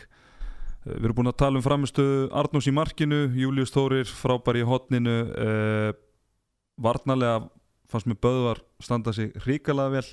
Batt þetta saman og, og hvort sem var Pétur eða Einar Ingi með honum hann í þristunum stóðu sig gríðlega vel líka en það er strákur sem að kannski getur sagt að það tekið svolítið fyrirsagninar Tumi Steinn Rúnarsson kemur inn á hvað er hann fættur? Árið 2000 og hann bara spilari svona hafði verið, væri búin að spila í þessari deild í tíu ár. Bara örugur og, og tekur sína sensa vel spila samirina vel uppi. Allt þetta sem hans fyrir þjálfari þetta lítur á að glatti alveg óskaplega mikið að sjá hans framistuð Já, klárlega og hann er alltaf kannski nýtur góðst af því hann er alltaf búin að spila í þessari grill 66 deild með vals, auðlið vals senstu tvö ár og hérna já, það er alltaf ekki að reikna út hversu mikið það hefur áhrif en það hefur áhrif. Já, betböðnir í Káver í hitti fyrra, þeir allan að skóla hann til. Get sagt þér það. já, já. en svo er alltaf bara veit ég að Einar Andri hefur mikla trú á honum og hérna talar vel um hann og, og hann er bara að fá loksins tækifæri. Mm. og þeir voru, já, ég meina þetta er tækifæri bara með fullu virðingu sem hann myndi ekkert fá hjá val. Mm og það er erfitt að fá mínútur hjá val þú ert ungur og efnilegur og þart að hitta þú ert að vera heppin sjáum bara eins og hérna Ásker Snær þótt að sé að klímaði meðsli núna þá er bara ég veit ekki hvernig, hvort hann kemist í hópin þótt að vera á nær tvei metrum þetta, þetta er erfitt. -hmm. og ég ke- kemur ekkert óvart þetta er tvö ár. Þá verði svona 6 til 8 valsarar búin að bætast við í hópin í önnur félög því að Mhm. 2000 árgangurinn er stútfullur af valsörum í þessu landsliði og fleiri til þannig að Tumi bara ég held að það sé bara fyrsti eða svona, mm Mhm. -hmm. Sveinn Hós er alltaf komið í fyrra hann að einu veða tveim árum eldri þannig að ég bara búst, er það ekki líka bara fínt að ungi strákar bara, þú veist, grípur svolítið tækifæri til að fá að fóra að spila annar staðar? Við það ekki bara styrkja deildina in the long run? Alveg, alveg heiklust en sko tökum það ekki afturhaldingu þetta, þú veist, þeir, þeir verða fyrir áfallið sko eftir 28 sekundu þegar Birki fær aukt Þú veist, við tölum um náðan að stjörnuna hafi saknað Ara Magnúsar sem við klálega að gera og svona kannski, þú veist, við fullir fyrir heilt yfir, það held ég að Ari Magnús er mikilvægur fyrir stjörnun heldur en Birki fyrir afturhaldingu en hann er samt sko örfendur byrjunleismæður í skiptu, hann er byrjunleismæður í, í, Þrist. þristinum í vörð og þú veist, þeir samt einhvern veginn á að vinna hann að leiksóldi samfærandi algjörlega, við, við spáðum afturheldingu góðu gengi og betur um flestir og þeir allavega líta mjög vel út í byrjun strákar eitt að lokum Ólafur Raff Gíslason kemur inn á með eitthvað 71% markvæslu getur við séð Sigur Ingiberg eða Sigga Seðil eins og hún er kallar í garabænum bara dett út úr hóp þegar að Bubbi kemur aftur Nei, er það ekki rosa hæpið það? Jú, það er, jú, Er, er, það ekki? jú bara, svona, bara svona smá vangaveltur hjá mér bara. En Já. hérna, En Siggi Kallgreið, hann sko hann stóð sér ágætli í þessu leik Já, já, stóð ágætlega en veist, þetta, er, þetta er erfitt fyrir markmann. Þeir rættum einn á með Björn Viðar og þessar skiptingar endalust sko, stjarnan alltaf mikið að skipta inn og út. Veist, bæði manni færri og líka þegar afturhelding voru manni færri voru þeir að spila með 7 móti 5 manni Siggi Kallgreið var svolítið á hlaupum fram og aftur. Fengum mikið að mörkum þú veist, í og rétt skriðin inn fyrir punktalinu þegar hinn inn á að skora. Þetta líka setur markmann svolítið úr jafnvægi. Þannig að ég, og sé, við ætlum ekki að dæma Sigga, Siggi er okkar maður, við dæmum hann ekkert of mikið á, þessu leik. Nei, nei, bara létt kynnting hérna frá, frá handkastinu. Uh, Strákur ekki að vind okkur bara í síðasta leikin uh, sem fór fram í kvölddeitni það var í er Selfoss. Þar sem að selfistingar fóru svona með tiltrúlega örugan Sigur á Hólmi 24-30 uh, hjá Yringu var Kristján Ári Jónsson markaðastur með 7 mörg og Elias Bóasson með 6 uh, Selfoss megin var Einar Sverrisson enn og ný markaðastur með 9 mörg Átni Steir Steinþársson með 5 og Alexander Már Egan með 5 mörg uh, Strákar við gerðum ekki annan að mæra Haug Þrastason og, og mikilvæg hans fyrir Selfosslið síðasta leik. Hann skora ekki marki eins og leik var raukt eftir 36 mínútur. Samt vinnaðir íliði með 6 mörgum Já, sýnir það ekki bara svolítið styrkleikan á, á selfosliðinu, við náttúrulega tölum um að þeir hefðu haft eh, besta svona innan gæðslappa varamannin á við fyrra í einari sværi sinni Þú veist, í dag á, á Hauku Þrastason ekki sinn, sinn besta leik. Og þá hendir einar bara í, hann er með nýju mörg uh, Átni Steinn hann er með fimm mörg og er að skapa einhver sko, hann er með átta stóðstingar og einhver tíu færi sem hann býr til og veist, það er einhvern veginn bara Selfoss er bara þannig lið. Bara ef einhver einn á ekki sinn dag þá bara eru fleiri gæði tilbúin að stígu upp og, og, og klára leikin fyrir þá. En hérna en við við spáðum svolítið þessu fyrirfram eða ekki? Að Selfoss myndu vinna í er uh, staðan í dildinu svo við settum hann upp endur spekla það líka. Og veist, horfum aðeins yfir í liði menna, þú veist, þeir þurfa bara meira framlag frá gæðum eins og gæðum eins og Bjögga frá gæðum eins og Sveinandra við tölum og lítið um hann innan þetta í, var ekki í, fyrsta leiknum? Í fyrsta, jú, jú, í fyrsta þættinu fyrir ekki? Kannski aðeins og lítið það er alveg laugur rétt. Já, hann svolítið flög undir, undir radarinn en veist, hann er með lítið framlega leiknum. Uh, Bjöggi er með einhver hvað, þrjúmar guttana velli, tvö og vítum. Veist, raun og veru bara einu mennindi sem var eitthvað kvikna á að viti, það var hæri vengurinn, Kristján Orri og, og Eli Bó. Já, algjörlega uh, við tölum um að hægra hotnið væri svona ákveðin veikleika staða hjá Selfossi í fyrsta þætti en Alexander Már Egan kemur áttum við erum þetta spáðið að Guðjón Baldur myndi manna þessa stöðin Alexander Már Egan hann spilaði heldur betur vildag settur fimm mörg úr einhverjum sex skotum. Já, hann alltaf spilaði með selfisingurum í, í fyrra svo hann var lánað hvað til þróttar að með minnir. Jú.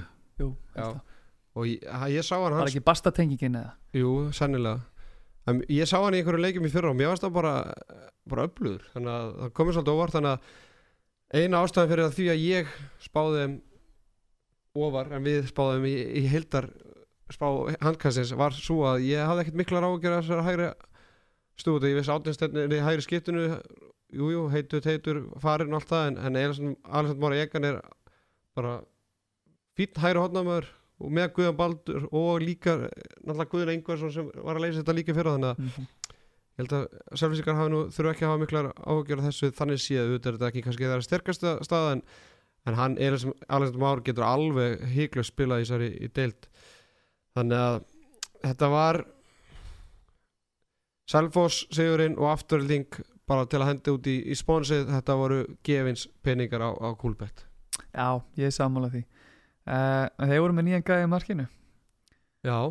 Það Þeir er enda, Kipolski. voru nú ekki marga bolta hvað endur eru tíu boltum samtals Ertu að tala um Selforsmiðin, Pavel Kipulski. Já, Já, Steffen hafði vinningina í kvöldið ekki? Jó, ég held að klála. En Það er- hann er, þú veist, hann allavega svona, mm, leit þokkalega vel út enn í Európa-leiknum í daginn og þú veist, eins og við gefum hann nú nokkar leiki í deildinni svona aðeins árun við árun við dæman einhverju viti en, en veist, ef þeir hafa hitt á svona, veist, bara fínan markmann það þarf ekki svona að vera frábær. Ef þetta er bara fínasti markmaður, Það er einslu mikill margmann reynslu mikill markmaður veist, þá, þá er þetta selfhúslið bara til alls líklegt, bæði í, í deild og, og byggar. Uh, Strákar Íringar, uh, Börgun Holgesson hann er með 5 mark, það er 2 vítum. Uh, Bergvin er með 1 mark og uh, Sveitn Andrés er áttum á hann 1 mark. Þeir eru ekki mikinn séns í leiðin svo Selfoss þegar að þessi gæri er ekki að skila í rauninni meira. Nei, og ég held að, ég held að það séu eitt af jákvæða punktunum eftir þetta tap er það að þeir eiga helling inni. Og svo eiga Svein Jóhansson inni líka hann er meittur ekki með í kvöld fá, spilaði ekki í kvöld. fá ekki mark og ég held að það ekki eins og verið fiska víti af línumönnum leysist þannig að þannig að hérna, þeir þurfa meira þar Við, við sjáum það sko að þeir skora 13 mörg af hægri vagnum af 24 það er, Kristján Orri í hægri hotninu og Elias í hægri skittinu þeir eru með 13 mörg samtals þannig að þeir þurfa meira af, vinstari vagnum og, og, og utan til dæmis frá Bergunni Þór sem reyndi mikið. Já, og verður þeir ekki líka bara skora meira heilt yfir? Eru þeir að fara að vinna leiki á því að skora þetta? 22, 3, 4, 5 mörki leik. Þeir eru náttúrulega fyrir mér er vörninn þeirra að veikast til hekkur. Konum með góða markmannun í búrið. Við rættum nú aðeins um daginn hvort að þetta væri mikil svona, mikið ekki með það í fyrstu umferðina. kannski ekki með fyrstu umfyrirna en svona, þú veist, jú, jú, ok, kannski eitthvað. En þú veist, ég held að ef að, ef að hérna, sóknin er að hyggsta svolítið í það um að þá, þá getur þetta erfitt uppöldrar, ég veitur, því að vörnin er ekki að fara að vinna fyrir á leiki, ég held að það sé alveg ljóst, því miður. Klálega herðu, þá er yfirferð okkar lokið yfir þessa sex leiki. Uh, Allan dagi Já, ég er aðeins búin að vera fíkt hann í tölvinu sko. Já, Þú erum verið svolítið á flakki Já, hérna í, við í, í, erum, við erum stúdíónu alltaf að prófa nýja hlutina í New Balance stúdíun og hérna ég ætla að leiða ykkur að heyra eitt hljóðbrott ég veit nú ekki hvort að Árni, þú ert nú kannski að setja hirtantólun á því. Já, ég skal gera það. En við vorum að tala um að Birki Benediktsson fekk náttúrulega raukt spjald eftir hálfa mínútu í leik stjörnunar og afturlendingar Já, og í Íþróttafrétta tíma stöða 2 þá var lesin frétt fyrir leik og eða það var að vera að fara að fjalla um leikin og, og hlusti nú, já, það getur tekið kannski 5 segundur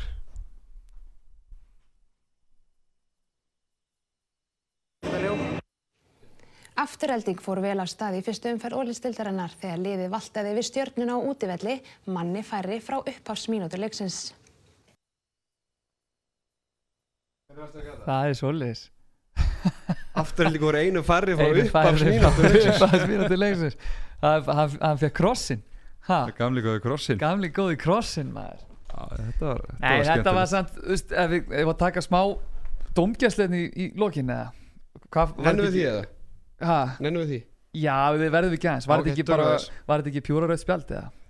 Jú, þetta Á var pjúra Birki, jú, Já. þetta var Við höfum pjúra ekkert verið að fara yfir neitt yfir dómgæstina Nei, við höfum lítið gert það. Nei, nei, það er svo sem Robert Aron Já, það er spurning Heilahristingur? fólk, skuli ára sig á Þorgrum í smára þar en, en Robert, Robert er að sko. Afleikabróð, já, já, já Heilarhristingur sko. Heilistingu, það er, Já. já, það er ekki gott mál Þannig að En það er náttúrulega þessi, það var svona meira ábyrrandi einhvern veginn með hérna, brotunni hjá Birki, hann datt svo hann skatt svo svakalega, hann var svo hátt í loftun einhvern veginn að En menn, það er þessar hindíkar loftunum Menn, við sáum þetta líka í leiknum hjá K og Akureyri þegar, Örn Átnason fær, fær svakalega það er, þetta eru svolítið brotin sem við viljum fá úr leiknum eða ekki? Við viljum ná þessu í burtu. Það sé vera að fara svona með útréttar hendur í menn í loftinu. Jú, jú, algjörlega. En svona, manni finnst viðkannin svona oft á tíum vera full mikil en, en það, Er kannski, það, það er nú kannski bara ég sem að, var alltaf með tviss og tvær en það er, Tvísvar ef, ekki- ef ekki þrísvar ef ekki þrísvar En núna er ég svona já, aðeins yngri þið, þið eru Já. svolítið að vinna með gamla skólan á, á móti við mér. erum, við erum tveir på gamli múðun eins og við segjum. Hafið þessi hrindingar í loftinu, hefur þetta alltaf tíðkast? En mér finnst þetta, þetta vera að gerast núna. að gefa raukt á þetta? Nei, ég er að tala um bara að þetta sé að gerast í leikjum. Já, Já, já, það hefur gert það. Já, já, Bara alveg, í, gamla daga þá alveg svoleiðis hérna hikaði maður ekki við að stuggaði mönnum sko, af því að þá náttúrulega bara vestar sem gætt gest var þú fyrst tvær myndur sko já. Það voru menn samt ekki, ég er að tala um kannski sko í 30-40 ára áttur í tíman Mhm. Já, ég Voru get menn ekki þá- svarað því Nei, Það voru menn þá ekki aðeins, þú veist, jú það voru slánar sko Mhm. En voru menn þá ekki aðeins sko meira í fyndunum og Já, bara ekki sama harka og, og sama sprengja sko þannig að hérna þetta er náttúrulega þegar menn er að koma 100 kíla á flikki á fullri ferð og, og annar 100 kíla á flikki á mætanum þetta verða rosalegir árakstrar og þetta er þetta stór hættulegt og, og náttúrulega bara þetta er sett, það er ástæð fyrir þetta sett ég meina það var Mhm. bara orðið alvarleg slis þegar að menn uh, falla svona mikill að hæð bara og falla killi flattir sko þannig Já, að- já, engin spurning. En það er verið að herða línuna og veist, nýjasta dæmi núna er, er að, að með, þessi gulspjöld að veist, nú er bara eitt gulspjöld og svo fara með beint í, í tvær myndur og við erum alltaf búin að sjá það undan fyrir nára tveimu mínúturinn er að fjölga Ef ekki að ræða þennan púta hvað, finn, hvað finnst ykkur um, um þetta að það sé bara nóg að, að leikmenn fái eitt guld, eða í rauninni það er bara eitt guldspjald og lið svo byrja að reyka út af eins og ég bara, þetta bara núna 5 minnur verið tökur sko, ég, Mm. ég trúi þess ekki.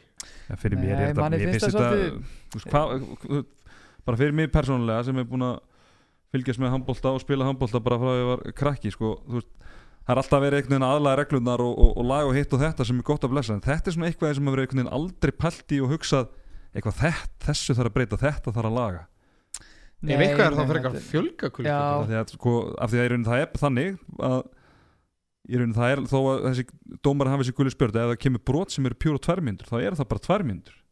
Algjörlega sko. Og þetta er náttúrulega eins og hann, hérna, Jói kom inn á í, í, hinum handbóltaþættinum eins og orðaði þetta að að, það auðvitað er bara taktík veist, og haf, var alveg rættin í klefa hjá okkur eins og annars staðar að veist, ef að þetta dómarpar var að dæma veist, þá ætlum við að vera svolítið harðir og veist, klára guluspjöldi snemmaleiks veist, ef þetta dómarpar var að dæma þá vissum við bara að þyrftum að vera aðeins passívari en ég, þú veist, ég er alveg sammála þessu sem er auðspildinu auðvitað þarf að þú veist, fækka þessum fólkskupbrotum við þurfum að ná þeim út úr leiknum.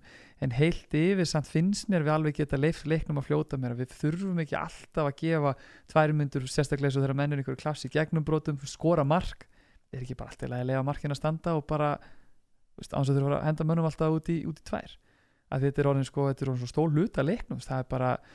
mönnum alltaf út í, út í tvær að þetta er orðin sko, þetta er orðin svo stól hluta leiknum það er bara þú veist, 30-40% af æfingatímanum alltaf reðlegt í dag hjá liðum ætti að fara bara í að æfa manni færri en, en að samaskapi hefur kannski svona eftir að markmann kemur út sko Mhm. þá hefur kannski tvær myndunar aðeins vægið eða minkað Já, svo er það góða punktur á móti þannig að þá er kannski verið að bara fjölga ekki það að það skiptir sko, einhver svo, máli já, sko. svo, svo, sóknarlega sko Já. Já.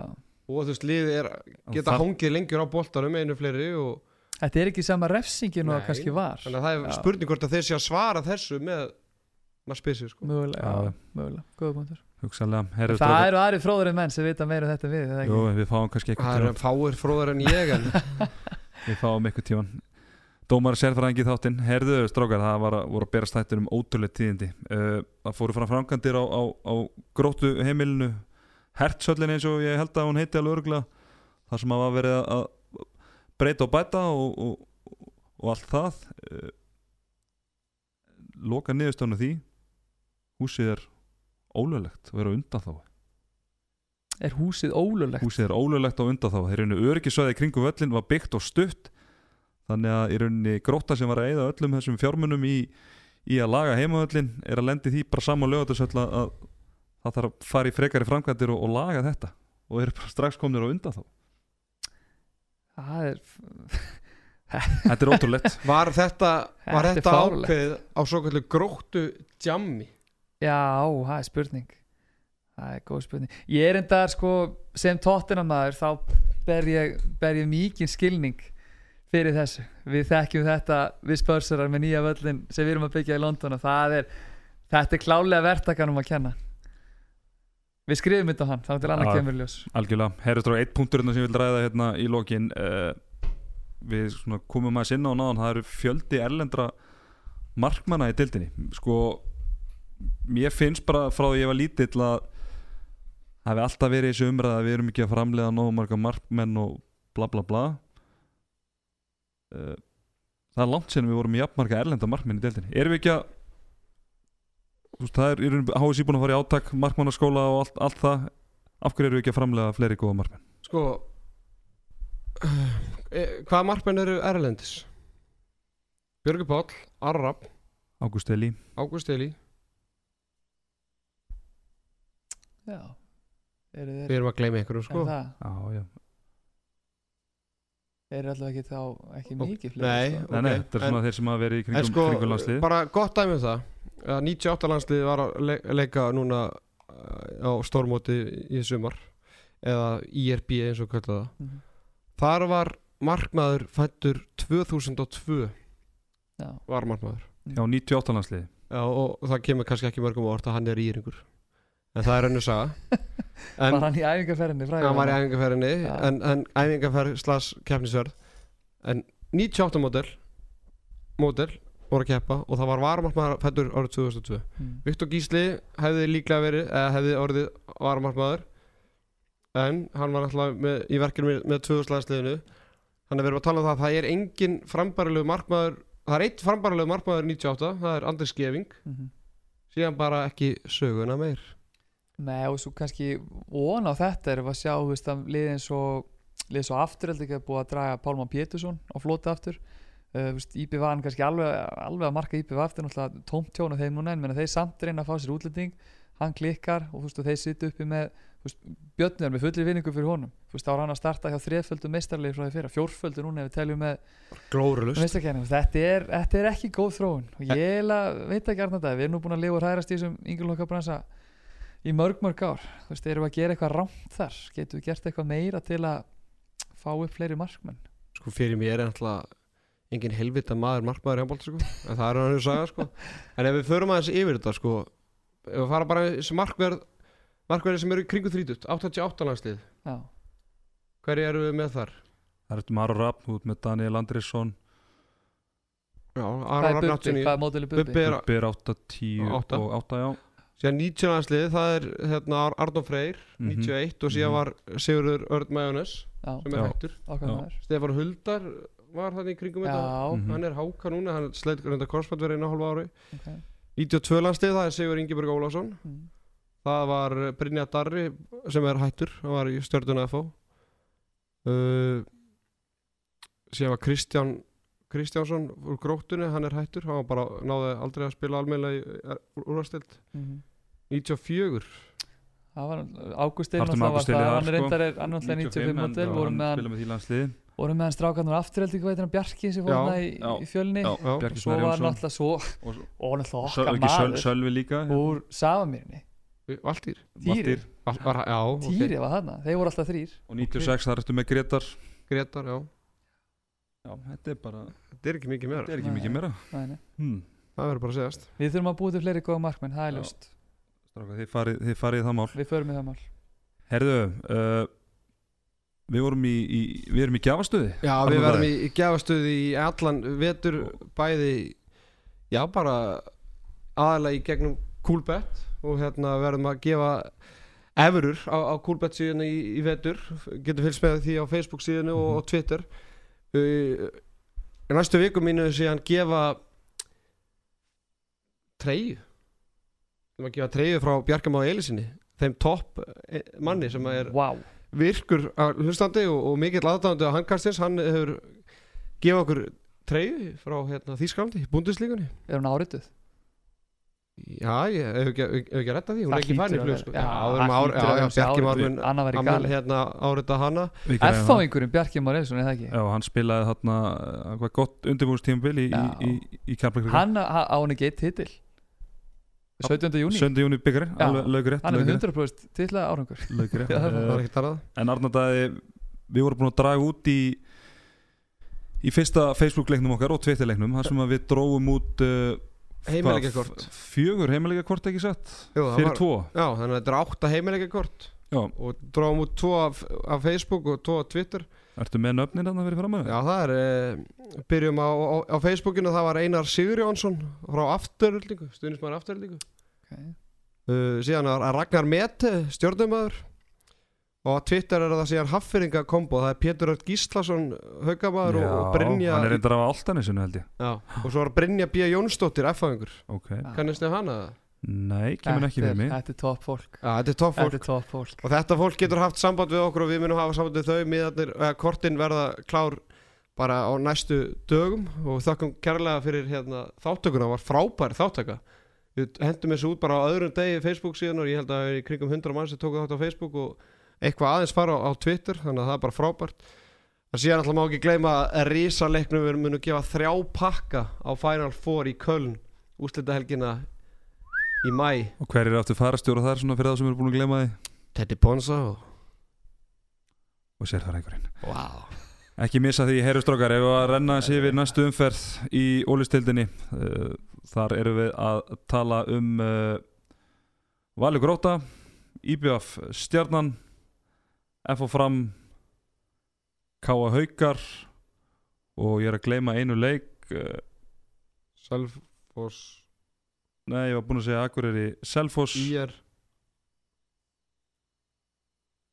Þú ert að gleyma leik Þetta er, þetta er frábært út A- Afturölding IR Afturöldi Gýr Sjónvarpsleikur. hann var ekki hérna á á blaðinu hjá mér. Uh, Stráka, ég ætla að henda einu djúsi stuðli í ykkur.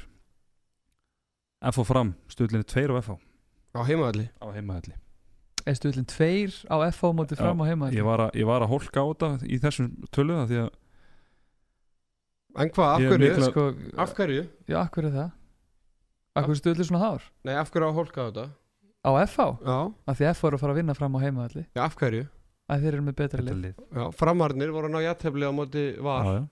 Liðinu sem við spáðum deildamæstartill Já, já en framar Þetta var einhver, það var einhver, það var einhver öskubus og kæftið í gangið í fyrstu umfinn Þetta verður ekkert svona þetta Það er bara, það er svoleiðis Það er Það er svoleiðis Ok, Það ég fram Ef að tippa hérna á eldsnönd á leikina, óslitin já, Þetta, þú lest þetta upp fyrir okkur? Já, Valur Gróta Það er Það er einn- það er einn 12 og val Er ekki verið ykkur eh, Gróta 11 og Gróttu, það var nú 20 á þá í Vestmannum þannig að þeir þannig að kúlbættmenn hafa örlítið meiri trú á Gróttinu heldur en í í, í síðustum fer, stuðlastjórin Valur vinna þennan leik, næsta mál IBF stjarnan 1.45 á IBF 3.25 á stjörnuna. Ég ætti kannski að henda jafntefli stjórnunum minn líka svona til að er er að þetta Stjarnan er ekki að fara að vinna leik á næstunni. Nei, ok, held F á fram við vorum búin að fara því að 2 á fram 2.20 nei, 2 á F á 2.20 á fram.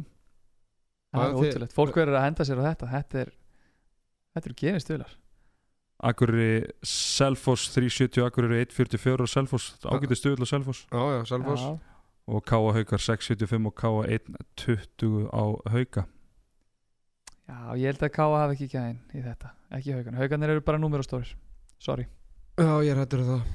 En áður við förum að, að ljúka þessu þá eigum við nú eftir að velja Kúlbett leikmann Já, umferðanar við ætlum að gera það eftir hver einu stund fyrir að velja kúlbett leikmann umferðarinnar. Uh, ekkert endilega leikmaður sem að var besti leikmaður umferðarinnar. Ég held að Daniel Þór Ingarsson hafi fengið tíu á hoppi stats en hérna þetta er svona leikmaður sem okkur fannst svona hvað er að segja, bara vakti, va- vakti aðtikli okkar kannski umfram aðra. Getur við ekki bara orðað þannig Stál aðtílinni Það er bara einn leikmaður sem kemur til greina og, og hann fær uh, innegn á, á kúlbett Má ég heyra það, Í hvað er með það, Theodor? Það má ekki glemma því áður en tilgjörn nafnið Já. að við erum alltaf stein glemt þessu manni í á þetta sko. Já, það var reyndar okkur til varna, það var ekki búið tilkynna félagskiptin á þeim tíma. En Við eigum að vera með þetta á hreinu Það er lög rétt, bara, og við vorum alveg með þetta á hreinu, við bara glimtum að nefna hann. Það, það, var, nú- þetta var það mikið öskubisku æfintýri Já.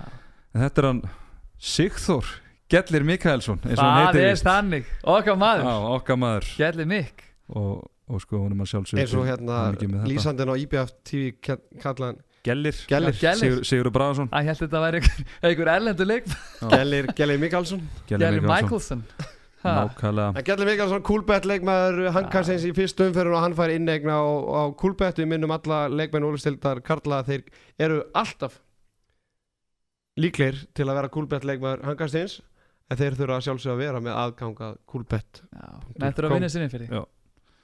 Algjörlega stráka mínir, ég ekki bara að segja þetta gott? Þetta er búið að vera ágætis, ágætis blaður hjá Nú ætla ég að okkur fara að skella mig til köpen það flug eftir tímiður Sérfræðingurinn á allar skella til kaupin Átni Stefán, það er dæli tíð eitthvað að lókum Nei, bara, veist, geggju fyrsta umferð og það er, það er stemning í kringum hafboltan. Eins og maður sér það bara núna, þú veist, á, á hérna, tölum á bak við handkastið, app, nei, hérna, podcastið segi, já, handkastið, podcastið, geggja.